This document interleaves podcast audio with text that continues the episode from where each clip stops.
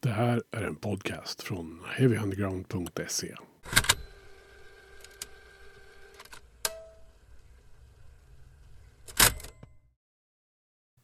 Okej, okay, det är dags att nörda ner sig ordentligt här i Heavy Undergrounds podcast. Eh, det här är förhoppningsvis eh, en serie som kommer att pågå där vi ska prata om eh, några riktiga underground-klassiker. Eh, en del av skivorna nådde stora kommersiella framgångar, andra inte lika mycket. Den vi ska avhandla i det här avsnittet, den hade väl förvisso en viss kommersiell framgång. Även om det inte är en skiva som är helt lätt-tuggad. Jag pratar om Faith No Mores Angel Dust som firar 30 år i år när vi gör det här avsnittet. 1992 var året då den släpptes. Jag som säger det heter Magnus Tannegren som eh, äger och producerar heavyunderground.se där vi skriver om undergroundmusik och gör poddar om detsamma. Och för att prata med mig om Angel Dust så har jag bjudit in en av de största Angel Dust-nördar jag känner i alla fall. Nämligen Mischa Sedini. Ni har hört honom förut i den här podden. Känd från band som Come Sleep, Lingua och eh, ja, en hel massa annat. Om ni bläddrar lite i eh, listan på avsnitt så hittar ni ett, en hel timme tror jag om Mischa Sedini. när han pratar om sig själv. Och jag pratar med honom om Mischa Sedini. Ja, ni fattar. Eh, men nu ska vi prata om eh, Faith No Mores. Ja, man kan väl kalla det för mästerverk. Det tror jag. Det är nog många som gör. Eh, Angel Dust. 30-årsjubilerande skiva med många intressanta låtar. En intressant historia och ett intressant band. Så jag ska inte babbla så mycket mer här utan lämnar över till mig själv där jag babblar lite till. Och sen så ska vi prata med Mischa Sidini om Faith No Mores Angel Dust här i Heavy Undergrounds podcast där vi avhandlar en riktig klassiker den här gången. Men eh, vi börjar den änden egentligen när man, när, när vi hörde Faith No More första gången överhuvudtaget.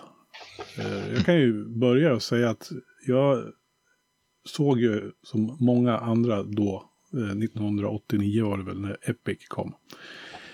Eh, det var ju första gången jag tror jag hörde Faith No More överhuvudtaget. Den kördes ju hela tiden på MTV på den tiden som MTV spelade musik. Precis. Men jag tror att den egentligen första kontakten med Faith No More, det var nog 1987 måste det ha varit när Metallica släppte sin Garage Days eh, coverplatta. För att där har James Hetfield, tror jag det är, han har en Faith No More t-shirt på sig. Yes. Och så tackar de Faith No More och folk i, i, i tacktexterna där. Och det där har man ju fattat efteråt att det beror ju helt enkelt på att de var kompisar. De hade ju gått på samma eh, gymnasium, några av dem. Och Jim Martin hade spelat i samma band som Cliff Burton långt tidigare. Och Mike Borden kände Kirk Hammett. Ja, du, du vet, allting hänger ihop. Men ja. där, där har man ju fattat efteråt. Men där var liksom första gången jag överhuvudtaget hörde namnet Faith No More. Eh, och så var det Epic 89 som var liksom, och då var man ju såld. Och sprang iväg och ja. köpte The Real Thing. Och min kontakt nere på skivbörsen i Västerås, han tittade skeptiskt på den här skivan och sa, vad är det här? Så här. Ja, så, så där har du liksom lite min backstory och ingång i Faith No More. Hur, mm. hur såg din ut, Mischa? Jag, så, jag har suttit och tänkt på det här och det roliga är att jag tycker att jag borde ha en tydligare bild. Men det jag minns är att jag har ju, precis som alla andra, sett Epic på MTV. Jag är ju, vad kom vi fram till? Jag är född 79 och du är född? 72. 72, så det är några år emellan oss. Mm. Och det gör ju en viss skillnad. Mm. Mm. Uh, så att jag var väl, ja, 89, då var jag 10 år och jag hade MTV. Så att den här låten kom ju och jag måste ju ha hört den och sett den och sådär. Uh, men jag vill minnas att jag någonstans inte riktigt fattar. In... Alltså jag tycker om Epic, men jag tror att mitt intresse började brinna när, när, när Angel Dust kommer. Mm. Jag har ett minne av att jag haft eh, The Real Thing inspelat på en ett kassettband, ett C90. Men, och jag tror att jag har lyssnat på det i samma veva som Midlife Crisis kom. Men innan jag fick Angel Dust. Så jag tror att egentligen så är jag inte inne någonstans förrän 92. Nej. Och började lyssna på Faith No More. Men det är oklart. Men jag vet att Epic var ju först. Och den tyckte man ju var en cool och bra låt. Eh, men det var inte, jag tror inte det väckte intresset nog att liksom lyssna på The Real Thing. Utan den lyssnade nog in med liksom, ja, där lite samma sommar som Angel Dust kom. Ja. ja, men de kom ju med någonting nytt tyckte man då. Ändå. Mm. Epic dundrade loss och blev en sån här jättealternativ hit. Eh, Men bandet har ju en lite längre historia än så. Eh, 89 pratar vi om nu, men jag menar, bandet bildades, som jag har fattat det rätt, redan 79. Mm. Eh, under namnet Sharp Young Man. De verkar ha Just en det. grej för tre ord i, i sitt namn. Ehm, och det hette de till 1980 och då bytte de namn till, namn till Faith No Man. Mm, Precis. Man ska komma ihåg också då att det var ju eh, de här, eh, när de bildades 79 så var det ju nå- nå två killar som hette Mike Morris och Wade Worthington som startade det här Sharp Young Man. Men de tog ju in Mike Bordin och Billy Gould. Och där föddes fröet. Och sen så lämnar eh, Wade då och Roddy Bottom tar över synten. Och då byter man då till Faith No Man. Och sen så lämnar eh, Mike eh, också. Och, nej förlåt, eh, nej de andra, just det, det är från Faith No Man som Bordin, Bottom och eh, Billy Gould eh, hoppar av. Och då byter de till Faith No More. Och det här More-namnet, det är ju bara för att de tyckte att den här Mike då var en enhällshärskare i det här Faith No Man. Så då var det Faith No More, var en, en, liksom en, ja, en hänvisning till att, att de slapp den killen. Mm. Då då. Ja. Tittar man på Wikipedia över liksom antalet medlemmar som har varit med tidigare i bandet så är det en ganska lång lista Ja. på folk där mellan 81 och 84, 85 Ja, någonstans. med Courtney Love som den mest utstående. Ja, och hon sticker ut lite grann där. Eh, På sång. Eh, det var, På sång? vad jag förstår var ganska kort session. Ja, det var nog ett år långt. Så? hon, Ja. tjatade, ja, hon tjatade sig in i bandet hon var med någonstans runt ett år. Mm. Eh, men det var inget inspelat på den tiden. Nej. Eh, däremot så finns det faktiskt på YouTube om man vill gå in så kan man söka på Fate No More Courtney Love och då finns det från någon sån här typisk gammal sån här ja, lokal tv. Eh, så kan man se, eh, de spelar nog en fyra, fem låtar live med henne på sång. Mm. Väldigt kul att se. Sen hade de ju Chuck Mosley på sång mellan 84 och 88. Eh, Mm. eh, Han har ju tyvärr gått ur tiden också nu. Ja, Eh, jag tycker ju de första skivorna där med Chuck på sång är lite underskattade ändå. De har, jag tycker de har sin charm liksom som 80-talsskivor. Jag, ska nog, jag kan nog ärligt säga att jag tror inte att jag har lyssnat igenom dem helt och hållet från perm till perm, någon av dem. Mm. Jag är inte vidare impad av dem. Jag gillar hitsen, Ja. alltså As the Worm Turns, ehm, We care a lot. We Care A Lot och Introduce Yourself är okej Mm. liksom. Och även kanske Annies sång liksom. Men sen, det är inte mycket som tilltalar mig där. Nej. Sen köper jag att man gillar det. Chuck hade ju en, en väldig charm i det han gjorde.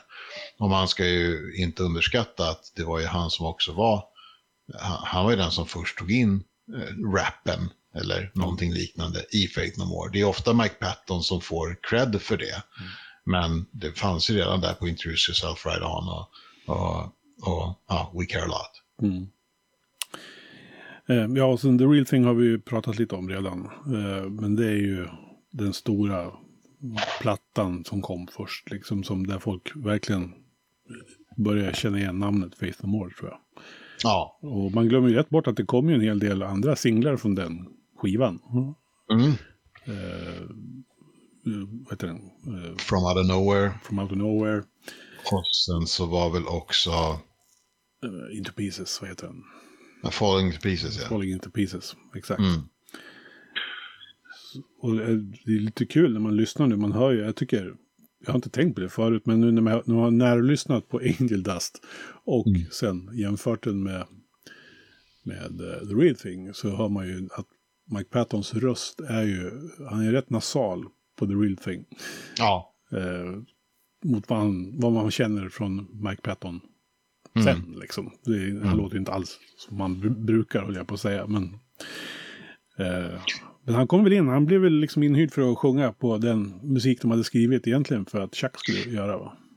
Han, han var inte inhyrd, han blev en fullvärdig medlem väldigt, väldigt tidigt. Ja. Grejen var ju den att hela The Real Thing var ju inspelad, mm, färdig och klar när han kom in. Och då, då ringer de honom och frågar om han kan tänka sig att vara med.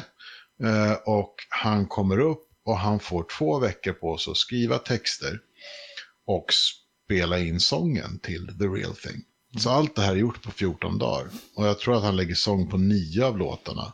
Eller han lägger sång på flera, men nio av låtarna har egna texter. Sen är det någon instrumental och det någon cover om jag inte mm. minns fel.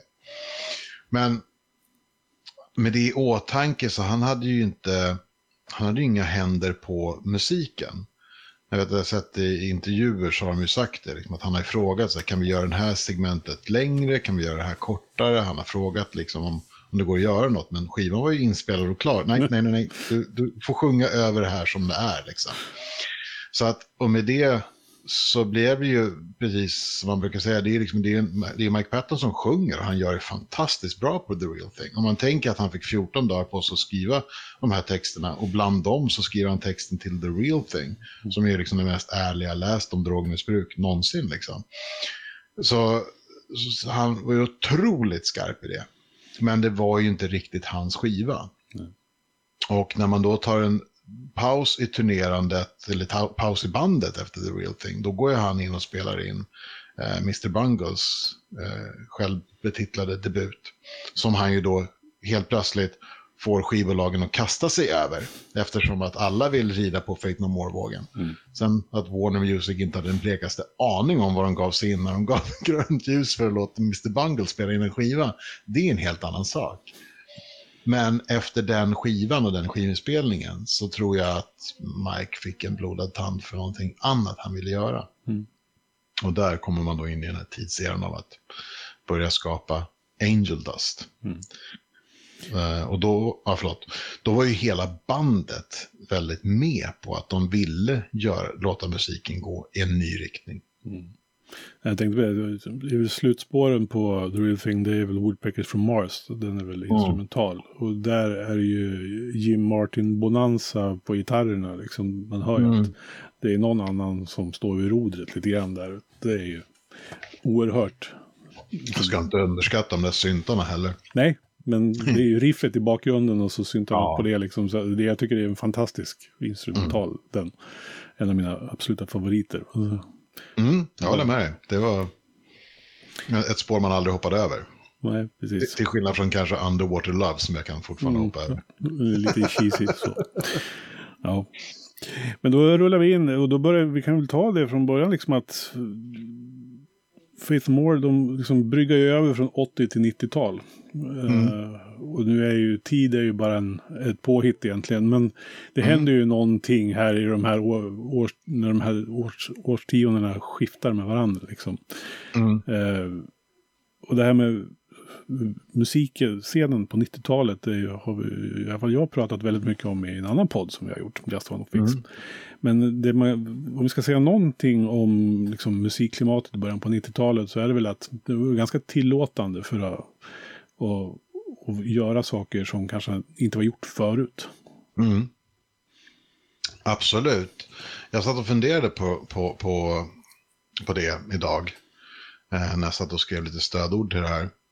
Och jag kom att tänka på på 70 och 80-talet, då var ju musikbranschen väldigt annorlunda i USA. Det var ju väldigt lokala och regionala eh, topplistor. Den här billboarden fanns ju, men mycket musik var ju väldigt, eh, jag tänker på sån här college-radio och, och, och hur, hur band kunde bli lokala sensationer. Så den, den scen som var stor och hipp i Chicago, den kände man knappt till i New York. Mm.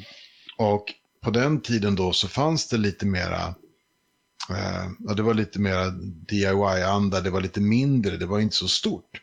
Och Faith No More är ju liksom, de började ju 79 och de har ju gått igenom det här, den här new wave-vågen eh, och, och gjort sina egna prylar och varit lite små i San Francisco. Och, men sen så kom ju 84, 85, då kom ju MTV in och blev stort. Och, och allting, all, hela den här kommersialiseringen av musiken blev betydligt mer globaliserad. Och där, i glada 90-talet, så då, då förenades de här två grenarna. Där liksom de här lokala eh, företeelserna kunde helt plötsligt bli en global marknadsföring. Det såg vi med grungen. Mm. Uh, och jag tror att Faith No More med både Real Thing och Angel Dust hade den turen att de kom in precis i den tiden när det här var någonting som, oh, wow, det här kan vi exploatera innan maskineriet till slut, ja men som du vet, du vet 98, 99, mm. då är maskineriet helt slutet.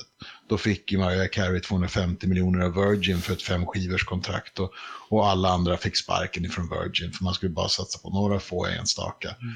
Men från 90 och framåt, 95, 96, så var det ju betydligt mer öppet. Mm. Det hade väl lite...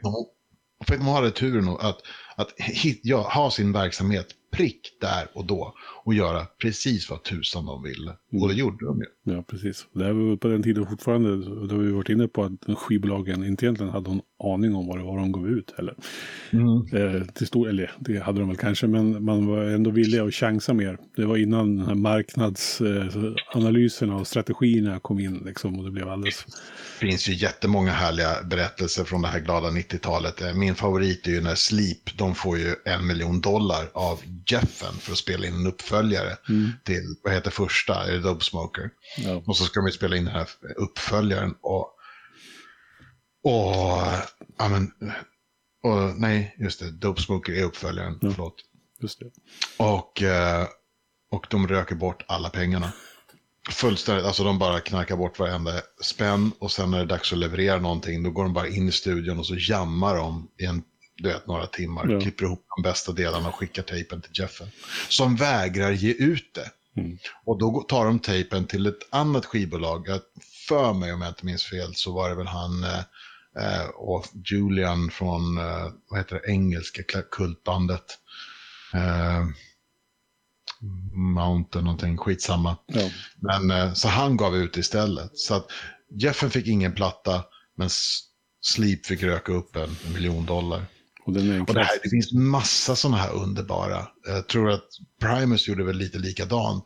De fick också någon sån här stor summa, men istället för att liksom lägga det på produktionen så byggde de en studio och sen jammade de fram till, vet du det, Tales from the Punch Bowl. Mm som man emellanåt hör. Det är så här att man hör att de trycker på play mitt i och sen så trycker de stopp mitt i låten. Liksom. Man får höra ett segment av vad de har jammat fram. Ja. Otroligt häftigt. Älskade 90-talet, för det var så fritt. Ja. Sen så har det väl lite till saken också att Faith More faktiskt är från San Francisco. Och jag tror att, mm.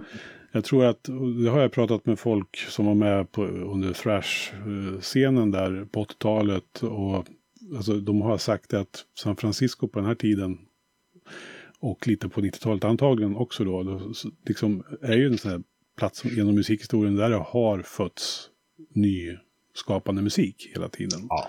Det finns ju den traditionen från, alltså vi pratar långt före 60-talet här, men mm.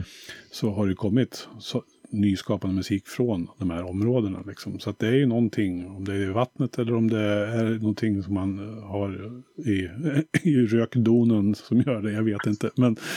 det kan nog bara vara kulturen, ja. tänker jag.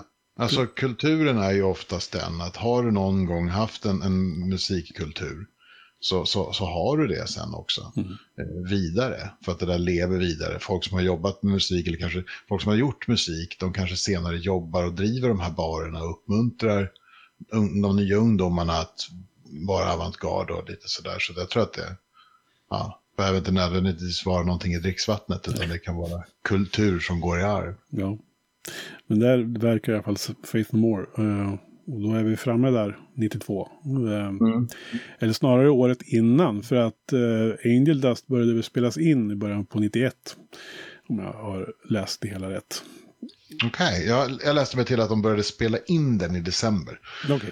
Spenderade större delen av 91 med att, uh, att skriva. Ja, det var nog så kanske det stod. Uh, men det var en, en årslång process liksom innan, mm. innan det liksom blev någonting av det och folk kunde få mm. höra grejer. Uh, men Faith No More 92, vi var inne på det, de hade turnerat järnet på The Real Thing. Mm. Och Mike Patton var fullvärdig liksom, medlem och ombord och ville in och göra saker. Mm. Eh, om vi skulle försöka på sammanfatta bara så här, Angel Dust. Um, vad, är, vad, skulle du säga är det för sorts skiva?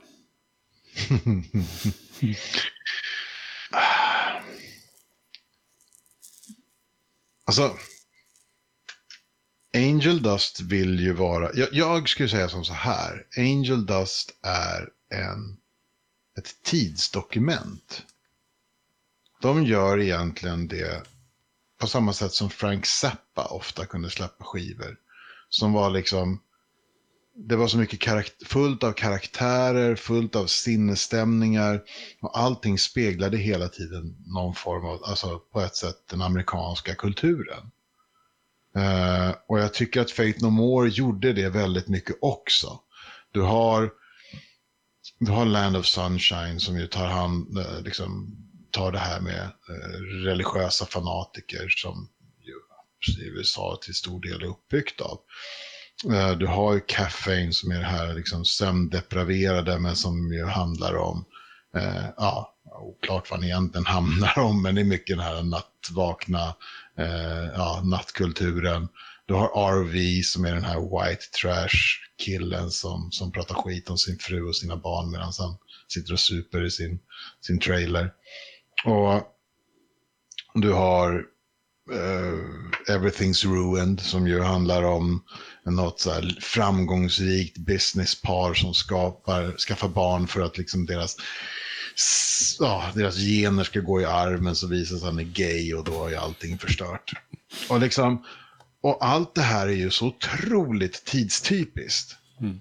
Och allting är också tonsatt i flera olika. Vi pratar ju om att vi har ju, ja, men vi, vi har ju mycket de här, eh, det finns ju funk metal elementen, men de här som RV som ändå är någon country western historia på något sätt. Ja. Med, med, Mike Patton som sjunger lite Elvis och, och du har ju, eh, de gör ju Midnight Cowboy som avslutning. Du har A Small Victory som ju närmast har någon japansk inspiration. Och, och de, de trycker ihop så mycket av det här. Jag tycker i princip att det är ett tidsdokument.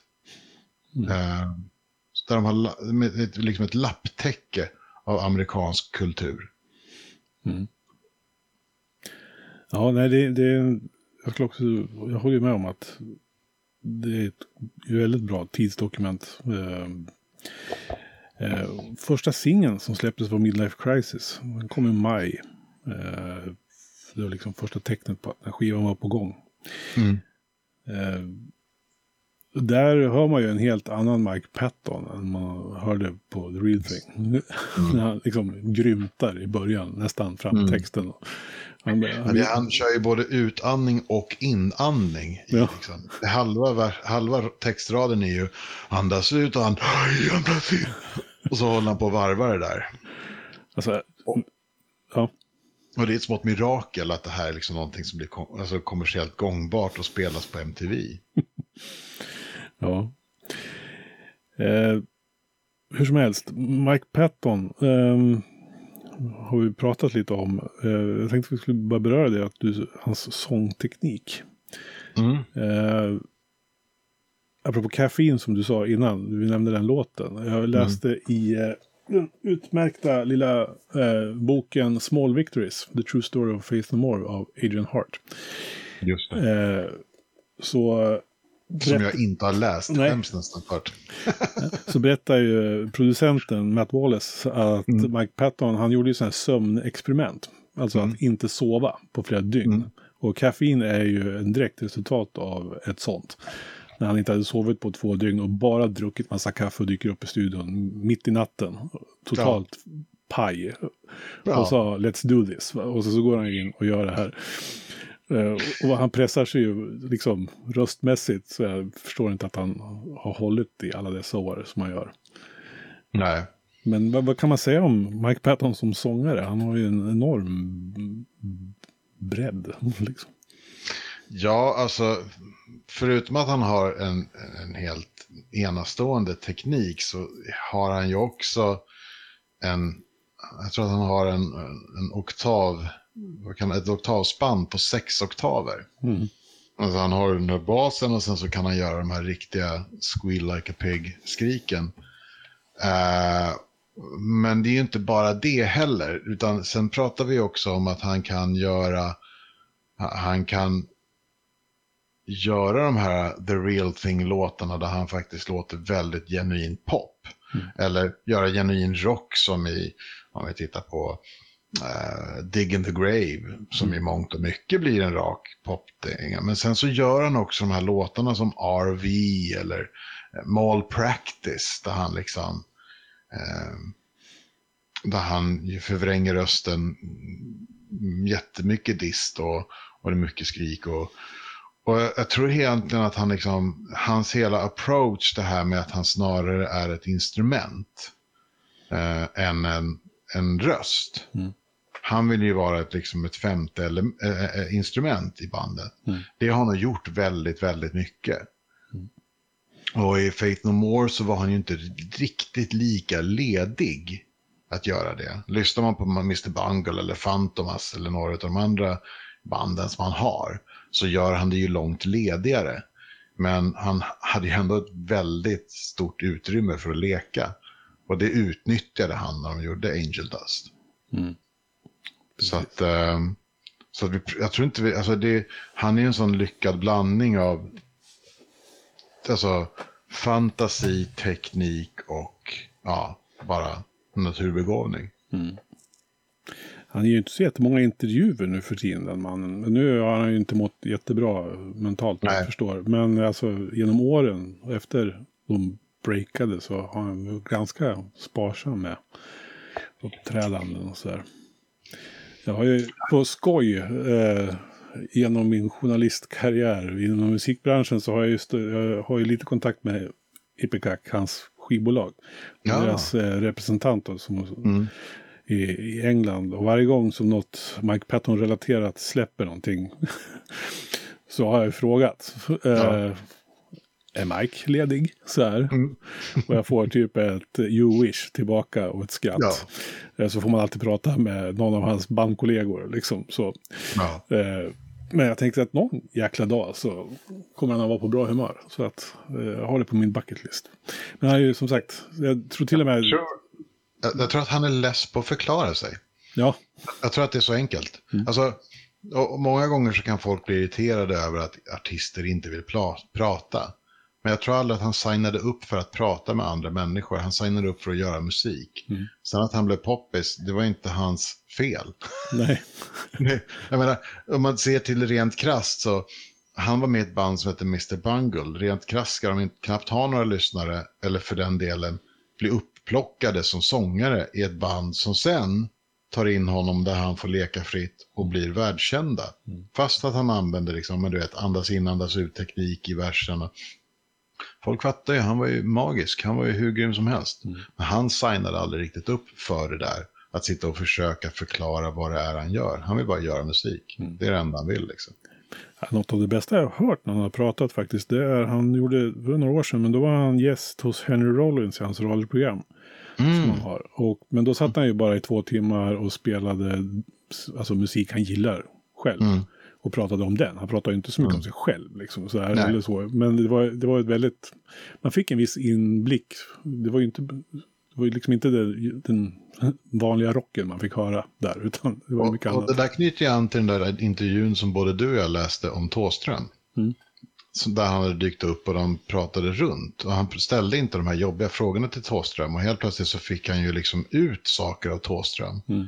För att han pressade inte honom. Mm. Och jag tror att det är samma sak med Mike. Han vill inte vara med om en intervju. Så att be honom att spela sina favoritlåtar, det är verkligen liksom så här. Ja, men det, är, det är som lite när man sitter med sina barn. Mm. Ställer man frågan vad har du gjort idag, då får man inga svar, för de vill bara gå därifrån. Men sätter du dig och spelar kort med dem, då kör de en total spill the beans. För att man liksom avleder dem med en aktivitet. Mm. Och helt plötsligt så vill de berätta allt. Jag tror att förmodligen så är väl liksom Mike lite likadan. Kan han få sitta och spela lite sina favoritlåtar och prata om dem? Du får ju ut något av det utan ja. att han nödvändigtvis måste berätta. Ja, jag föddes här och mina föräldrar var bla bla bla. Nej, man lär sig någonting om det. Mm. Eh, och du nämnde ju också, du ville ju prata lite om Matt Wallace betydelse för den här. Och för Faith No More generellt kanske och kanske för den här skivan. Ja, men du, du, hade, du hade ju skickat med en liten lista. Mm. Och så tittade vi lite så här, men det är bra att ha någonting att förhålla sig till. Och så hade du skrivit medlemmar 1992. Och så satt jag och kollade upp lite så där historia och så. Det är väl inte i världens, alltså de, de ska vi säga, vad är det? Borden, Gould och uh, Martin, de är ju alla ifrån San Francisco. Mm. Och Billy Gould flyttade ju upp dit uh, för att plugga och då träffade jag han dem där. Uh, och Um, och sen så kom ju Mike, Mike McPatton från LA liksom. Och sen som du pratade om att, ja men Mike Warden då, han har ju varit med i Easy, Street med Cliff Burton och Jim Martin. Mm. Och sen så, och, och, och, Jim Martin hade ju varit med i det här plojbandet plojbandet som uh, ja, Metallica var inblandade i, Spastic Children. Ja, just det. Och, och sådär. och det var ju så de var lite kompisar också med Metallica och så. Eh, och, eh, och Billy Gould hade ju faktiskt ett band i Los Angeles ihop med Chuck Mosley eh, före flytten till San Francisco. Mm. Så de var ju lite in, inblandade sådär.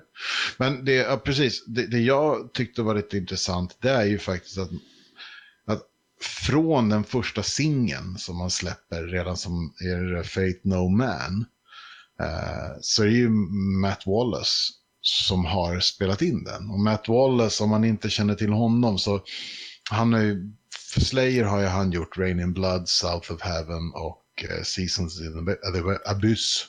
Och sen är han ju, ligger han ju bakom Sepulturas Arise och Chaos AD. Och lyssnar man speciellt på, på AD så förstår man ju verkligen, för där, där finns en verkligen slående likhet. Han, det är stenhårda plattor, men det finns en öppenhet och en renhet. Du hör exakt vad varje instrument gör. Men det är utan att det tappar inte luft. Han är, han är en liten magiker, den här Matt Wallace. Och han har ju en bredd också. Han, är ju, han ligger ju bakom Jeff Buckleys Grace, som är en av världens bästa skivor. Alla tider. Han ligger bakom Blind Melon, Helmet, Rage Against Machine, At Driving. Han har spelat in så otroligt många band. Men han har ju spelat in exakt allt som Fate No More har gjort. Förutom Album of the Year. Då man gick och valde att gå med en annan producent en gång. Mm. Och, eh, så att, och, och lyssnar man också på Fate No Mores plattor, i synnerhet upp till, alltså från att de startar till, eh, till album, eh, King for a Day, Fool for a Lifetime. Så de har en liknande ljudbild. De har en liknande, och jag skulle vilja säga att liksom, en stor del till Faith No Mores framgång är att Matt Wallace har lyckats separera alla instrument så att allt det här som händer samtidigt hörs också ganska klart och tydligt. Mm. Ja, det har jag tänkt på också när man lyssnar. Eh, alltså man, jag gillar ju när man hör basen, liksom, att den att den lever sitt eget liv i en ljudbild på något sätt. Ja. Fast ändå en del av helheten. Men många gömmer ju in basen liksom bakom gitarrer och trummor och mm. fan, allt. Liksom bara för att få ett djup kanske. Men här... Skulle man, man skulle vara fullständigt dåre om man skulle försöka gömma Billy Gould. Ja. Med tanke på hans basspel. Det är något jag älskar så är man, alltså, nästan alla som har lyssnat på Epic har ju tänkt på att i slutet så finns det ett episkt gitarrsolo. Mm. Och det ska det ju vara liksom. Men jag vet inte hur många som egentligen faktiskt har lyssnat och bara tar bort, lyssnar bort gitarrsolot och så lyssnar du på basen. Mm. För han solar ta med tusan lika mycket. Mm. Det finns ingen basslinga. Han går inte bak och kör en så här, ja ah, men nu kör jag grundriffet för att nu solar han. Utan de solar båda två. Mm. Och jag tycker det är så otroligt häftigt. Billy Gould är liksom en av de kaxigaste låtskrivarna. Billy Gould ligger ju bakom Epic också, det är hans ja. låt. Liksom. Jag är fascinerad över liksom hela liksom uppbyggnaden av, av det hela och mm. kaxigheten. Mm. Finns det något mer att säga om Matt Wallace betydelse för Faith and War? Sådär? Nej, det var väl egentligen det, kände jag. Mm. Um, han... Um, jag tror att han... Jag, vet, jag satt och kollade idag på någon intervju med honom. Han, han känner sig nog som en, en familjemedlem. De har ju vuxit upp tillsammans, mm. de har ju varit unga liksom. Det är hela grejen med det här. Det här är liksom skolkompisar och bekanta som har liksom vuxit upp i en scen tillsammans och som sen... Vissa band är ju så här, de blir ju... Ja, de, de kanske inte känner varandra från början och blir mer sammansatta konstellationer, men det här är ju liksom barndomskompisar. Mm. Billy Gould och Roddy Bottom är ju liksom barndomskompisar verkligen. Mm. Mm. Så att, och, och, och däribland är ju Matt Wallace med. Han säger det själv, Matt Wallace, att att uh, jag, har gjort, jag har gjort många sådana här lite så här breakthrough-plattor med många band. Men just the real thing var extra viktig för mig, för det här var mina kompisar som jag har vuxit upp med. Mm. Som jag liksom fick hjälpa upp till och det betyder så mycket. Mm. Så han är ju väldigt engagerad personligt också. Ja. Inte bara en hired gun. Nej, precis. Men jag tänkte på det här med att man faktiskt ville gå en annan väg på Angel Dust än vad man hade gjort fram till The Real Thing. Eh, mm. Och försöka göra annan musik. Det där eh, orsakade väl vad jag har förstått en hel del spänningar i bandet mellan de andra och gitarristen Jim Martin. Alltså det man har läst eh, om den där, hur klimatet var i det där bandet eh, under den här tiden. Så var, de var ju inte snälla mot Jim Martin och han var inte speciellt snäll han heller för den delen. Jag tror liksom, jag vet inte om de var färdiga med varandra generellt eller om det var liksom det här att de, vad, vad det var som utlöste det hela. Men det var ganska ugly ett tag tycker jag. Ja, jag tror att man får nästan gå in och titta lite grann på hur uh hur Faith No More gjorde musik. Alltså Jim Martin var ju med, uh, ja han kom ju in redan, han var ju med på första Faith No More-plattan. Mm. Uh, kommer, ja det är väl We Care A Lot. Mm.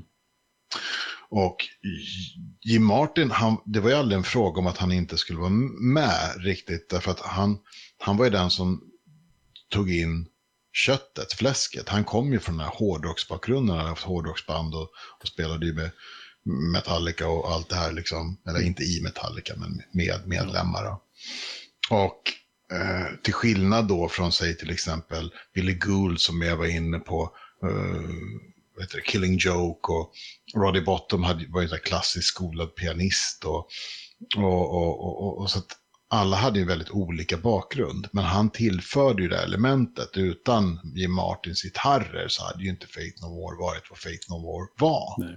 Och det märker man ju väldigt tydligt på när de går över och gör King for a Day. Mm. För att äh, älskar eh, eh, Trace Browns från Mr. Bungles spel på den plattan. Men det är en mycket rakare platta och det är inte alls den här liksom fingertoppskänslan som Jim Martin hade för de här låtarna ändå. Men det som var var ju att redan på de första tre skivorna så var det ju, det var ju Gould, eh, Bottom och Borden som skrev låtarna. Och sen skickade man dem till Jim Martin.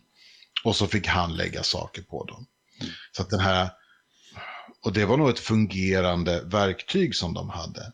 Men det blev nog senare också ett belägg för att han blev mer och mer utfryst i, i låtskrivarprocessen. Mm.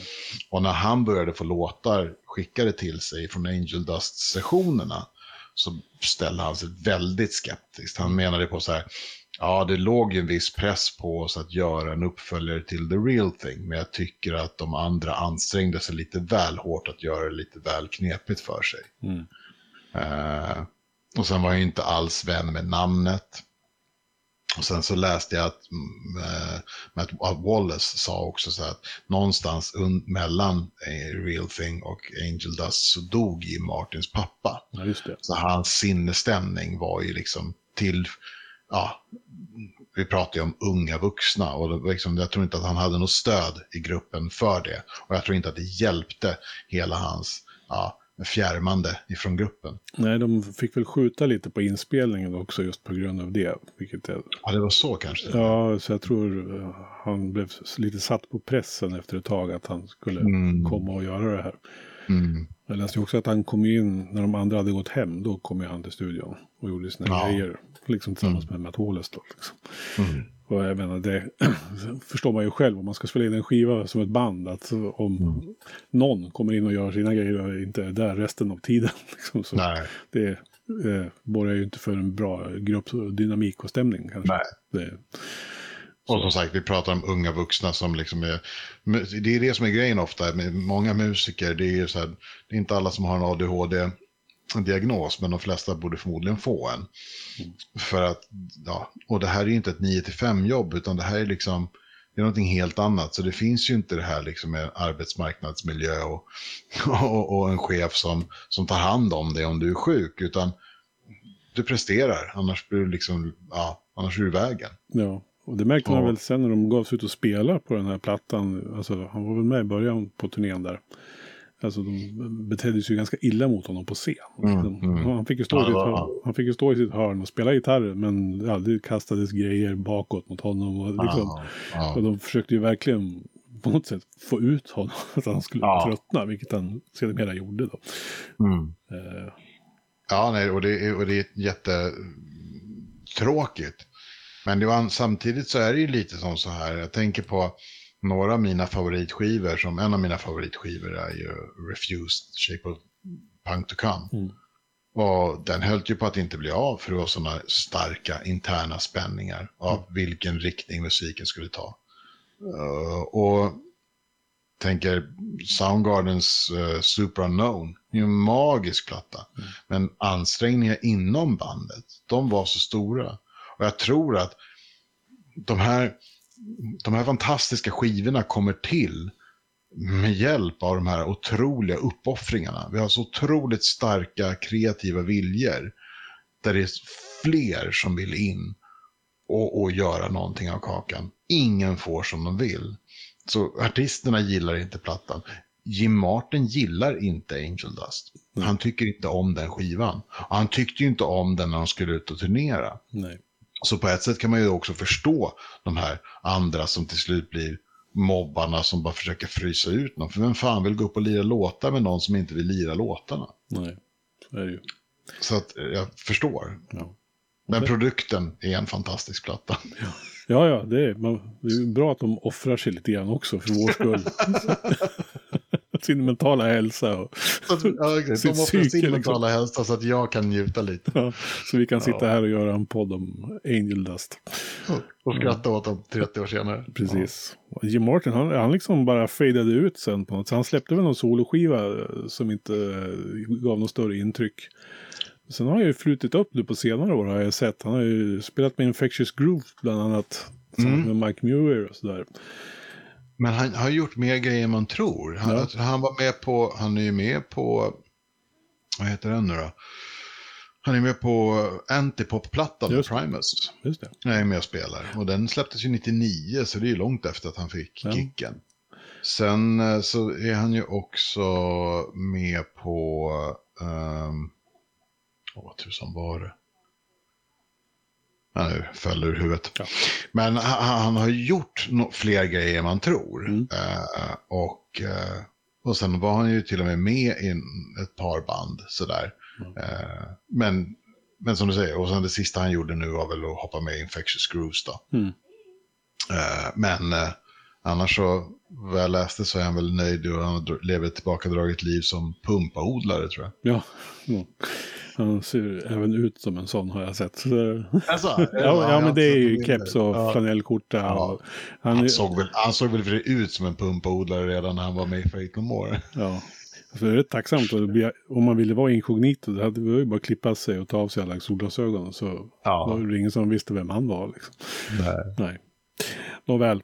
Um, ska vi prata, liksom, vilken... Det här är ju en jättesvår fråga naturligtvis. Mm. Uh, för både dig och mig kanske. Men har du någon sån här favoritlåt från? Från den här du, skivan. Som du, kan... du skrev ju det, vi måste välja en favoritlåt. Och då, då säger jag så här, bortsett från att det är en omöjlig uppgift. Mm. Så. Eh, och jag har suttit och tänkt på det där och det, det, det är sådär, det, det, vilken låt du än pekar på så känns det som att du dödar alla dina andra darlings. Eh, men jag kommer nog fram till att jag har Land of Sunshine. Eh, det, det måste vara lite en av mina eh, favoriter. Jag tycker den öppnar plattan så starkt. Eh, jag tycker att den har en sån otrolig härlig känsla i sig. Det här, om vi börjar med att låten, alltså, det är ju, Mike Patton står ju som textförfattare, men han har ju tagit varenda fras ifrån Lyckokakor och ifrån någon sån här bygg upp dig själv-bok som Ron L. Hubbard, kungen av scientologerna, har skrivit. Så allt det här är ju bara såna här äh, jättekrystade och, och liksom lätt psykotiska eh, självpeps-fraseringar. Liksom. Känner du dig lyckad? Är du, en, är du lycklig i dig själv? Och, och så i den här låten som är så jäkla, vad ska man säga, uh, haunting. Uh, och jag tycker det blir, de, de träffar en nerv som jag än idag bara tycker är så otroligt härlig att lyssna på. Mm. Ja. Och, så hans, och liksom, jag tycker liksom, det tar väl någon sån här, jag tror inte det tar mer än en minut innan han går in och liksom börjar i någon form av refräng, börjar asgarva, lägger på ett gäng olika så Och det är så, och så avslutar de det hela med någon form av när han kör sina de här opera. Miracles. Ja, jag tycker det är så, nej, den är så, den är kort, koncis och den bara slår stenhårt. Jag älskar den. Mm. Ja, Jag håller med. Det är, ja, det är ju en fullständigt omöjlig uppgift egentligen. Nu är, det var, först tänkte jag att det är skitenkelt. Det är kaffein tänkte jag. För att det är så här. Ja. Jag, jag gillar liksom refrängen. Så. Mm. Men sen så börjar man ju titta då. Eh, på, så tänker man, vad fan, jag gillar ju Smaller and Smaller också. Den är liksom, Ja. den, den han, för varje refrängvända bara blir galnare och galnare liksom i sångstilen. Eh, Och man kan se de här, alltså, han, jag vet inte, han, jag vet, vet egentligen inte vad han sjunger om egentligen, men jag bara ser honom stå på någon jävla plantage och bara jobba sig till döden. Och liksom allting bara, värdet blir bara mindre och mindre och mindre. ja. Bittrare och bittrare och bittrare. Och sen så, man kan ju inte låta bli att inte gilla en låt som heter Crack Hitler. Jag menar, det, det, det är mest för titeln och det är väl liksom den här provokativa eh, kärleken man har till saker som liksom, bara för att den heter Crack Hitler. Liksom. Ja. Jag läste någonstans att de faktiskt ville döpa skivan till Crack Hitler från början. Men det fick de blankt nej för, på. Så då fick låten heta det. Och då var det Angel Dust istället. Roligt. Men jag tror den som jag eh, någonstans hör ganska ofta i mitt huvud när jag tänker på Angel Dust, det är Be Aggressive. Så jag får väl ta den då. Mm. Med, med, med den här cheerleading-kören liksom, som bokstaverar uh, Be Aggressive. Eh, Ja. Som att- den där jävla Marilyn Manson hade magen att sno Ja. 20 år senare. Fy Ja. fan vilket vid- vidrigt brott. Nej, men det, Men jag håller med dig. Och det nästan att den vägde ännu tyngre. Jag har ju alltid lyssnat på den. Och det har ju varit också sån här, mycket den här, eh, så här fotbollstermer. Kötta, kämpa, go fight, win liksom. Mm. Eh, och så har det liksom också varit liksom, han nämner ju ord som liksom ejaculation, I swallow. Och jag har ju bara tänkt att så här, i min värld så var ju det så här, de tar de typen av termerna och sen så gör de det lite sexualiserat bara för att det ska liksom hela den här, den här sportiga kulturen ska bli lite perverterad. ja. Men sen har man ju läst att det är inte Mike Patton alls som har skrivit den här. Det är ju Roddy Bottom som har skrivit det här om oralsex mellan två män. Och då var det ännu bättre låt när man fick reda på det. ja. Nej, men det, det, Tribu tribulation, ejaculation, I swallow, I swallow, I swallow. Be aggressive. och så får man en hel arena att stå och sjunga med i det. Jajamän, vita män. Ja, nej, på något sätt så knyter det här. Jag är ju född och uppvuxen med Frank Zappa i hemmet. Eh, Ja. Så där, då förstår du ju vad jag har för referensramar till vad bra och rolig musik är. Liksom, och bra texter. Och det här är Och då är ju, då är ju inte spåret så långt. Nej, det är ju absolut inte det. Alltså det jag tycker Faith No More har lite av den där Zappa-genen i. Alltså att man kan, Ja, gud. att man ja. kan stå på scenen och skrika ejaculation. Liksom. Det, Ja. På ett glättigt glatt sätt. humorn behöver inte vara, tro mig rätt, jag älskar Toy Dolls, men det behöver inte vara Toy Dolls. Det behöver inte vara rätt fram, att Nej. det här är humor. Utan det är det som är så härligt med de här låtarna som, ja, men som Be Aggressive och Everything's Ruined. Det, finns, det är seriösa, bra poplåtar. Men det är ju fortfarande väldigt mörk humor som ligger bakom dem. Mm. Precis. Jag tänkte på det där faktiskt, för nu när du nämnde det, att du har liksom en bakgrund och har lyssnat mycket på Zappa hemma. Mm. Jag växte ju upp i ett hem där mina föräldrar i princip inte lyssnade på musik. Det var mitt intresse för musik som blev det liksom drivande. Och så tänkte jag också på det här, för du, du skrev arvet eh, efter, eller eh, efter, eh, nej, vad fan skrev du? Ja, jag skrev nog både Arvet efter Angel Dust och Faith. Ja, nej, ja, nu ska vi säga. Vad gör Angel Dust unik? var en av dina frågeställningar. Mm. Och efter mycket om och men så, så, så kom jag fram till egentligen bara en mening. Och då skrev jag att den visar att man kan göra hård musik utan att vara metal. Mm. Man måste inte vara Metallica eller Slayer för att göra hård musik. Uppenbarligen så går det att göra hård musik som Faith No More. Och den är hård och mörk på ett annat sätt. Här är inte liksom the blasphemous devil, utan här är liksom white trash och, och andra grejer och skam och, och, och andra känslor som skapar det här mörkret. Men, och här kommer vi tillbaka till den här åldersskillnaden mellan dig och mig. För att jag har läst så många intervjuer där, men bland annat så Corey Taylor eh, i, i Slipknot, han, han, han skrev, eller han har ju sagt i någon intervju sådär att han låg och tittade på tvn eh, eh, eh och, och såg Epic och, och, och, och kände sådär att wow, ja, men det här, jag kan göra lite, jag kan göra någonting hårt utan att vara som de andra, jag kan göra vad jag vill. Och att man menar att de sparkade upp dörrar eh, för ett helt annat sätt att göra musik. Men i min värld, Faith No More kom in 92, då var jag 13. Och det här är precis när jag har lyssnat på Guns, Metallica, Nirvana och ja, har Stone Temple, jo, Stone Temple Pilots har kommit också. Och det här är liksom band som liksom cirkulerar nu. Mm, Och och Pearl Jam. Och, och så kommer Faith No More. Och, och, och musik är hårdrock och, och musik är ganska nytt för mig. Och så för mig blir det verkligen bara den här dörren som de öppnar upp för, för andra. Det är det först, den första dörren jag sparkar upp. Mm. Och det, så att jag, liksom, hela mitt musikskapande har ju varit liksom fött redan från start att jag får göra vad jag vill. Mm. För du har ju hört Faith No More, du, du hör ju, man kan göra vad fan man vill. Och sen vet jag då att ett par år senare så kommer folk och bara, ah, men du måste lyssna på Zappa och så lyssna på Zappa och så bara, ja, jag förstår grejen, men det är ganska daterat. Har du inte hört Faith No More? Så bara, ja, men de är nya, det här är. Ja, men du vet. Alltså, jag, ja, jag, jag sparkade inte upp den dörren som en, revolution eh, i, i det jag redan hade, utan det var en, en del av min hårdrocksrevolution. Att det var så häftigt med att liksom, jag kom in i hårdrocken precis när Faith No More kom. Mm. Och då var det jävligt häftigt. Mm. Det är det tillåtande 90-talet. Ja. Alltså 92, den, den fyller alltså 30 år i år. Mm. Eh, sån här, håller den? Ja, håller den fortfarande? Ja, men det är det jag tycker.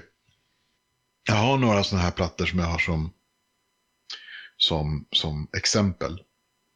Är det 94 eller 95 som jag tror Therapy släpper den här Scream Major, eller Trouble Gum heter det. Eh, 94 är det väl. Mm. Och jag älskar låtarna, men jag önskar för guds skull att de kunde haft en annan producent. För det ljudet håller inte, jag kan inte lyssna på den. Det går inte, den är så horribel i sin produktion. Mm. Och det finns många sådana plattor som är, de är så tidstypiska. Mm. Eh, men Fate No More ingår inte där. Och jag tror att Mike Wallace har mycket att göra med det. Mm. För det är samma sak som, tittar vi på, eh, tittar vi på Sepultura, Mm. Chaos AD, den är också fortfarande väldigt tidlös i sitt sound. man behöver inte tycka om låtarna, men den är väldigt tidlös. Mm. Plattan efter spelade de in med Ross Robinson, Mm. Roots, och den är inte lika tidlös. Nej. Kanske också mycket för att de går över och, och är, liksom, är inspirerade av Korn och, och gör mera eh, nu metal på den liksom. Mm.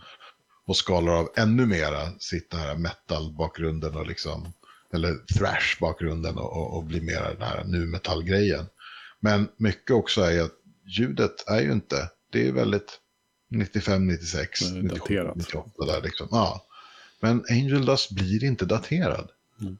För att, och jag tror mycket för att Ma- Matt Wallace visste hur man skapar eh, tidlös pop. Mm. Tittar man på band som han har gjort, han har gjort för, Jeff Buckley, också en tidlös patta liksom. Så det blir inte daterat på samma sätt. Ja, vi får väl säga grattis till Angel Dust då. Ja, verkligen. Och grattis till Faith No More. Ja. Men jag tänker som musiker, förstå ha den under bältet. Jag vet ju att man som musiker ofta vill gå framåt. Men eh, det är otro, måste vara otroligt kul ändå att ha en skiva som har påverkat folk så otroligt mycket. Verkligen. Ja du Mischa. Eh, Ja. Är vi nöjda med vårt prat om Angel Dust här eller har vi glömt något nu? Så här, som är Vi, vi är aldrig nöjda. Vi kan prata musik i timmar, men för att lyssnaren inte ska bli helt... Nej, de får väl eh, helt enkelt ta och lyssna på Angel Dust nu. Har de inte stängt av redan så får de stänga av nu. Ja, precis. Och sätta på Angel Dust, helt rätt. Helt rätt. Du har lyssnat på en podcast från heavyunderground.se. Jag som säger det heter Magnus Tannegren och är den som producerar och intervjuar i den här podcasten.